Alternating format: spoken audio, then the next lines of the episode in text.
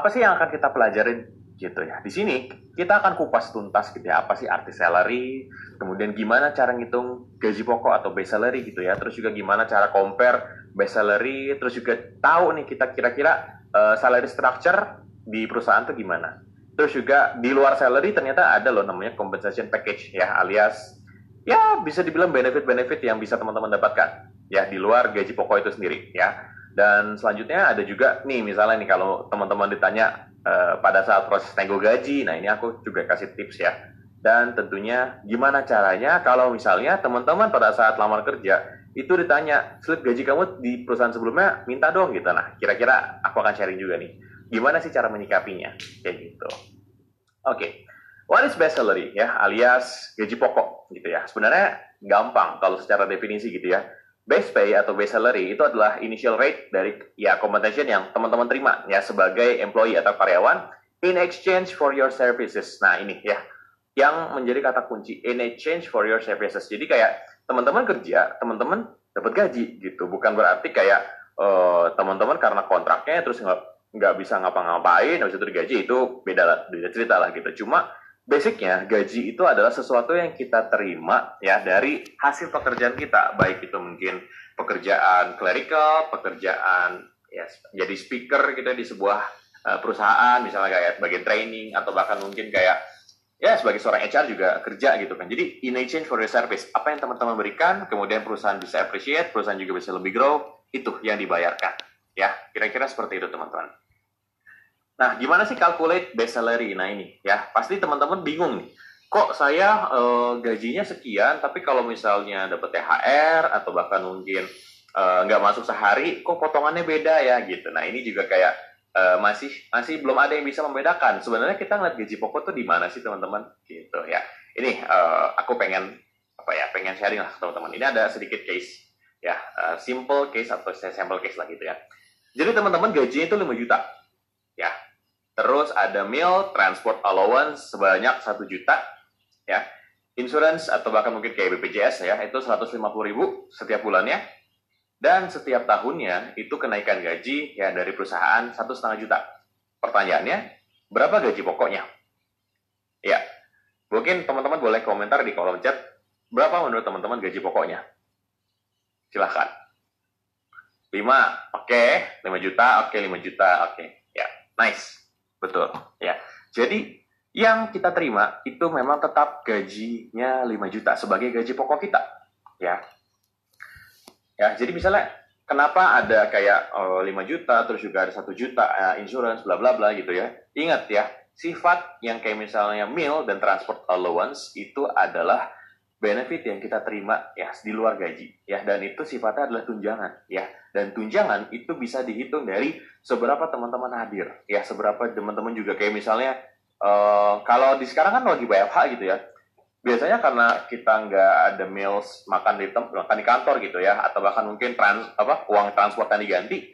Transportnya itu diganti jadi uang internet gitu. Kayak misalnya jadi kayak uh, ya udah kalau misalnya kamu kerja hari ini uang internetnya segini gitu. Dan itu penghitungan seperti itu teman-teman. Tapi tetap gaji yang kita terima adalah 5 juta. Ya. Nah beda dengan take home pay. Nah take home pay beda lagi. Berarti kalau misalnya gaji pokok teman-teman 5 juta dengan transport 1 juta dan juga ada ya BPJS di gross up gitu ya berarti take home pay teman-teman adalah 6,1 gitu. Take home pay yang teman-teman terima.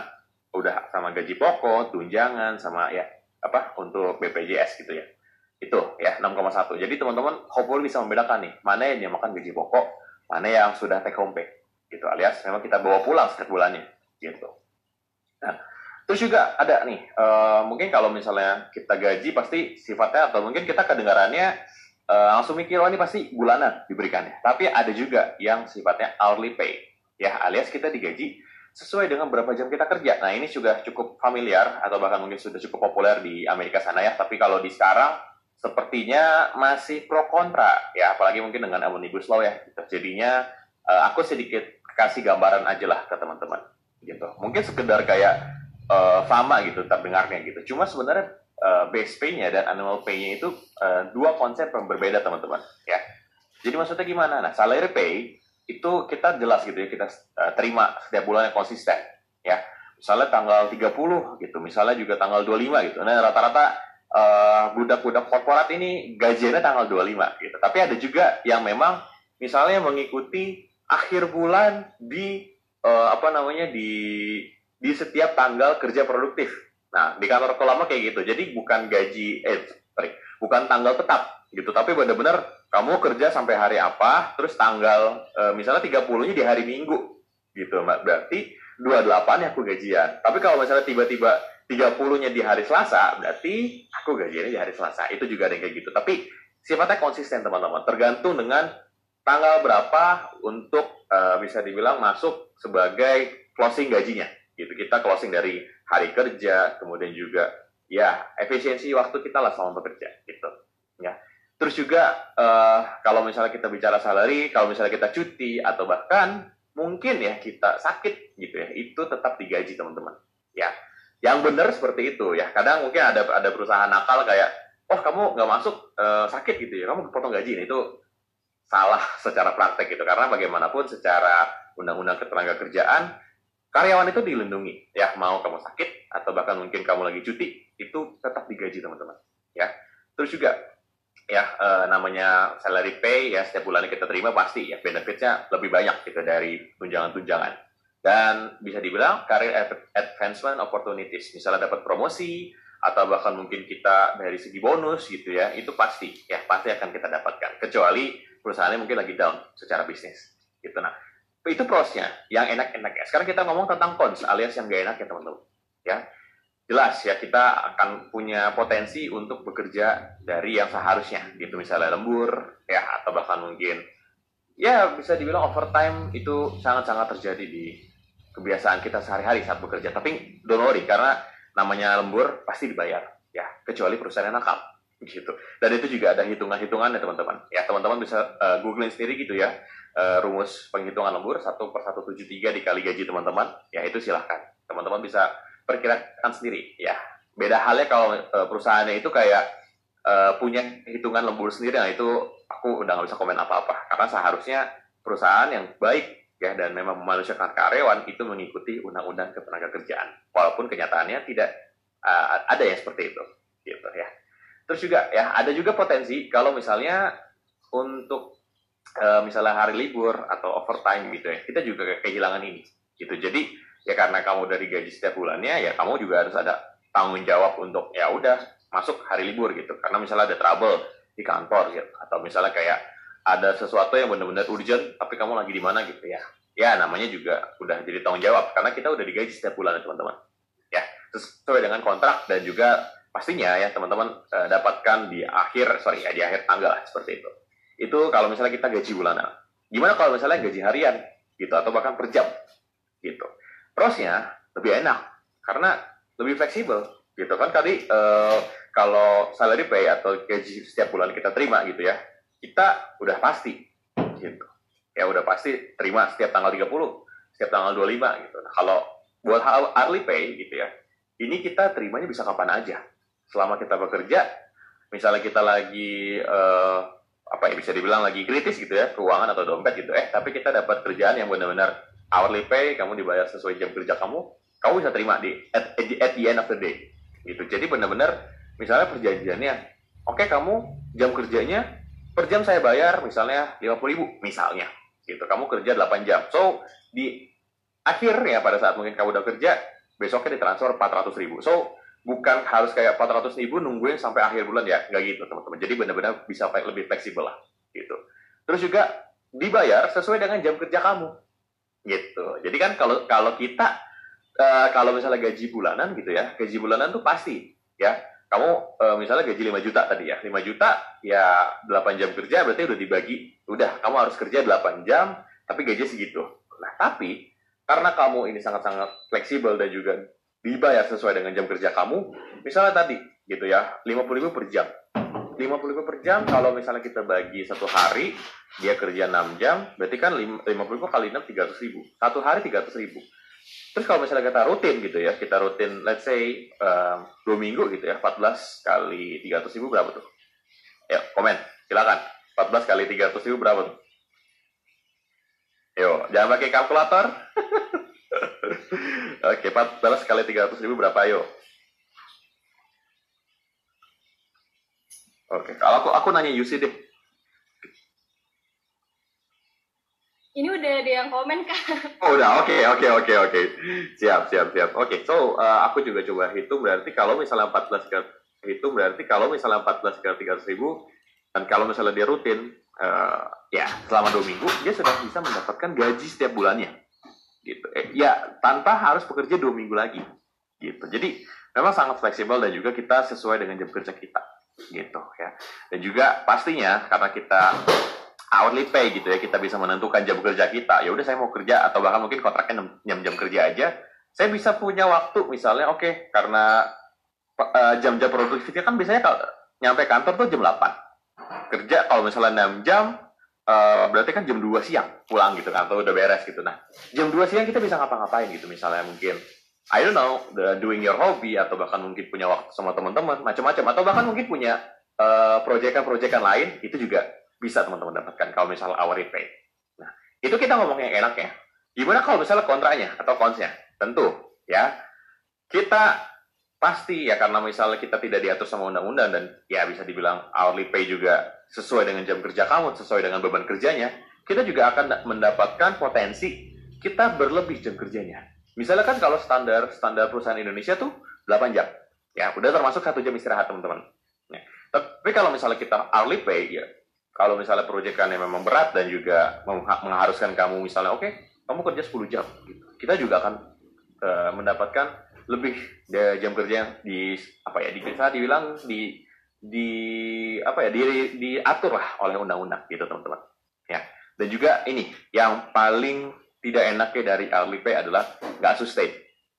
Ya, bisa aja kita dua minggu gitu ngerasa kaya, oh kerja dua minggu saya dapat gaji UMR gitu ya, saya udah udah lebih lah dari satu bulan teman-teman saya gitu. Tapi minggu depannya, apakah ada proyekan lagi? Apakah saya uh, apa ya bisa dibilang bekerja sama kembali dengan perusahaan atau bahkan mungkin pihak yang meng-hire saya dalam pay tersebut gitu. Jadi juga hati-hati, nggak sustain. Alias ya anytime kalau misalnya emang proyekan beres ya udah tarsir cari lagi gitu nggak kayak setiap bulan ini terima gaji gitu itu yang uh, menurut aku teman-teman harus consider kira-kira teman-teman lebih nyaman yang mana gitu ya nah ini ya uh, beyond your salary and salary structure. Pasti kita pada saat bekerja kita sering kan kayak ngebandingin oh kok gaji saya sama gaji teman lain beda ya? Atau bahkan mungkin kayak kok anak baru sama anak lama beda ya? Gitu. Nah sebenarnya apa yang terjadi di belakang meja HRD ya atau bahkan mungkin uh, tim compensation and benefit ya di bagian HRD ini teman-teman ada yang namanya job evaluation ya. Maksudnya gimana? Ya turunan gaji itu dihitung berdasarkan ada faktor-faktor ini ya. Ada skill effort responsibility dan environment. Semakin tinggi poin turunan faktornya ya semakin tinggi juga gajinya. Gitu misalnya oke okay, uh, eh, sebagai seorang admin gitu ya atau eh, paling gampang admin lah gitu. Kita pasti kebayang admin ngapain gitu. Misalnya pengetahuannya di tingkat berapa ya? Nah, ini tingkat-tingkatannya uh, ada tolak ukur yang sudah dibuat oleh HRD teman-teman. Ini kalau misalnya aku bahas secara detail, ini bisa jadi webinar yang lain lagi gitu. Tapi uh, kita kita uh, aku kasih gambaran lah bahwa sebagai tim compensation and benefit HRD ini yang dihitung oleh tim HR. Uh, misalnya oke okay, uh, resikonya kira-kira uh, berapa ya untuk seorang admin? Oh satu deh gitu. Terus juga pengalamannya kalau misalnya semakin tinggi, misalnya dia punya pengalaman udah tiga tahun, nggak mungkin dia di poin satu, misalnya dua atau tiga, itu banyak faktor yang menentukan ya. Ini turunan faktor ada pengetahuan, pengalaman, fisik, mental, peraturan, finansial, kondisi kerja dan resiko. Lihat deh, kalau misalnya di tingkat satu semua, maka dari itu poin turunan faktor 50 ya. Biasanya ini disebut sebagai grading. Oke, grading satu berarti dapat range gaji segini. Terus misalnya grading 2 grade 3, grade 4, grade 5, dan seterusnya tergantung dengan perusahaan seperti ini. Jadi semakin tinggi resikonya, semakin tinggi ya. Misalnya kita lihat nih, uh, paling penting itu yang paling kelihatan ya, di responsibility teman-teman. Ya lihat deh, masalah peraturan, masalah finansial ya, itu ada di poin 20 di satu. Gitu ya di di, di turunan faktor satu itu udah poin 20 bahkan itu menyangkut dengan peraturan. Berarti misalnya dia uh, apa responsibility-nya bikin tanggung jawab untuk timnya. Berarti gajinya atau bahkan mungkin turunan faktornya ada nih untuk yang level 20 karena dia menyangkut dengan SOP, bagaimana timnya bekerja gitu. Nah, semakin tinggi dia juga akan semakin uh, bertanggung jawab dengan segi perusahaan. Berarti kayak ya level manager, CEO gitu. Itu semakin tinggi juga. Terus juga finansial ya. Ini biasanya bertanggung jawab dengan omset itu bukan berarti kayak oh, sales kan harus bertanggung jawab dengan omset enggak tapi um, lebih kepada kan kalau kalau sales itu atau bahkan mungkin kayak yang uh, ujung tombak perusahaan yang benar-benar selling gitu ya ini ya udah udah ada target ayo kita jual gitu. Cuma bagaimana caranya budget yang sudah ada gitu ya finansial eh sorry ya kayak budget yang kita punya gitu dari perusahaan di maintain kita bagi kira-kira mana sih yang efektif buat kita jalankan bla bla bla segala macam. Ada tanggung jawab di situ itu lebih tinggi juga tuh ya jadi kenapa kayak financial analyst orang-orang finance itu uh, aku bisa bilang rata-rata gaji lebih tinggi ya dari perusahaan apa dari posisi-posisi lain ya karena memang bertanggung jawab dengan finansial perusahaan. Gitu ya. Seperti itu teman-teman. Maka dari itu nanti pada saat teman-teman mungkin ngelihat kayak ya, salary and structure gitu ya misalnya kenapa ya uh, gaji uh, antara HR recruitment sama HR absen beda? Gitu karena kembali lagi dengan kita lihat turunan faktor apa aja gitu sama tanggung jawabnya misalnya kayak ya udah HR uh, untuk rekrutmen dan ODPD misalnya 0 sampai dengan 2 tahun gitu ya yang benar-benar level junior rata-rata digaji 5 juta sampai dengan 6 juta. Ya ini contoh angka ya teman-teman ya. Nggak harus kayak sama dengan uh, perusahaan-perusahaan lain atau mungkin di kota-kota lain. Ini cuma contoh aja. Terus setiap perusahaan setiap kota pasti berbeda. Ya. Terus HR admin berarti uh, pengalaman minimal 2 tahun gitu ya pasti paling tinggi 5 juta gitu. Terus makin turun ke bawah gitu kalau misalnya dua pengalaman dua tahun minimal enam setengah delapan juta dan terus ya gitu ya ada empat tahun terus makin tinggi gitu ya. Ini uh, bisa dibilang ini adalah gambaran kenapa kayak kok um, anak baru gitu ya sama gaji saya kok beda jauh gitu ya. Lihat dulu kira-kira tanggung jawabnya gimana anak baru tersebut terus juga pengalamannya gimana gitu. Balikin lagi. Nah ini yang mungkin teman-teman perlu perhatikan juga ya alias compensation package ya ini aku pasti yakin nih pada saat kita nego gaji gitu ya atau bahkan mungkin kayak ditawarin sama HRD kita ngeliatnya atau di kontrak gitu wah angkanya berapa ya? gitu. Itu itu pasti kejadian tuh kayak setiap kita um, apa namanya ketemu HRD dikasih kontrak terus kalau langsung lihat nih wah gaji saya 9 juta ya gitu. Tapi di balik 9 juta itu apa ya? Saya dapat apa lagi gitu? Karena kita kan hidup bukan cuma sekedar gaji teman-teman. Pasti ada lah ada kayak perasaan uh, assurance. Misalnya kita lebih yakin ketika bekerja di sini lebih aman, keluarga kita di cover, uh, insurance bla bla bla segala macam gitu. Itu juga harus kita perhatikan. Jangan sampai kita cuma terima ya udah 9 juta tapi kamu ngurus semuanya gitu, Wak. Uh, itu itu namanya gross ya, gross gross gross salary ya gitu. Kamu dikasih 9 tapi ya udah kamu urusin semuanya gitu. Bodoh amat kita kita udah ngasih gini. Itu juga harus diperhatikan, teman-teman. Ya. Maksudnya juga plus other benefits. Nah, ini ya compensation package-nya kita harus perhatikan juga. Contoh ya benefit package yang uh, paling sering teman-teman temukan di perusahaan Indonesia. Insurance ya atau insurance itu BPJS paling paling minimal perusahaan itu harus punya BPJS. Dari ngurusin BPJS kesehatan, ketenaga kerjaan itu paling minimal punya karena itu menyangkut hak kamu gitu sebagai pekerja di Indonesia. Gimana kalau misalnya uh, perusahaan saya nggak ngelaporin gitu atau bahkan nggak mendaftarkan saya uh, untuk ke BPJS itu, itu bisa lapor gitu ke ketenaga kerjaan dan disnaker. Prosesnya agak PR memang PR dan capek cuma akan worth it lah karena kamu lebih aman gitu kalau misalnya kamu udah punya minimal BPJS ya. Nggak semua perusahaan uh, mungkin kayak punya insurance luar kayak misalnya uh, let's say kayak Alliance atau bahkan mungkin Prudensial macam-macam lah. Itu uh, lain cerita. Kalau misalnya perusahaan memang kerjasama dengan mereka. Cuma paling minimal itu BPJS diurusin ya. Karena selagi kita kerja kan pasti ada dong mungkin rasa sakit atau mungkin tiba-tiba keluarga kita misalnya tiba-tiba ada operasi atau mungkin kecelakaan minimal di cover tuh buat hal-hal kayak gitu. Supaya kita nggak cuma kerja doang gitu. Supaya kita juga punya rasa aman lah dalam kerja gitu. Terus juga trans transport allowance gitu. Nah ini kayak bensin, terus juga ongkos. Tapi sebenarnya kalau untuk transport allowance dihitungnya rata sih ya kayak uh, ya udah uh, package kita satu juta dah buat transport allowance gitu. Ya kalau misalnya kamu semakin jauh itu juga nggak semakin dikasih transport allowance lebih gitu. Jadi kayak udah dapet angka pastinya gitu loh dari perusahaan karena udah menjadi angka yang memang jadi paket mereka gitu. Nah, jadi teman-teman harus perhatikan juga pada saat melamar kerja jangan sampai ini aku saranin ya jangan sampai lebih dari 50 kilo gitu misalnya kayak eh, apa ya bisa dibilang kantor rumah kamu di Bekasi gitu ya tapi kantor kamu tuh bener-bener oh, di Tangerang yang bener-bener pelosok misalnya gitu itu kan dari tenaga iya dari cuma sekedar lewat untuk ongkos dan juga mungkin kamu beli tolak angin gitu karena udah terlalu lama dan juga lah gitu. Jadi misalnya kayak meeting meeting atau apa nggak pakai pulsa kamu atau internet kamu gitu ya. Terus juga kayak uh, Natal itu dibagi. Makin kita uh, kerja lama gitu kan tadi aku sudah sebutkan 3 jutanya dari lembur gitu. Ini itu agak salah kalau misalnya teman-teman menganggap 3 jutanya sebagai gaji pokok. Ya walaupun memang kayak sering kayak kedengarannya kayak wah uh, aman lah gaji gue 8 juta gitu kan. Aman lah uh, 8 juta mah kita ambil aja yang mungkin cicilan 6 juta padahal gaji pokoknya 5 juta.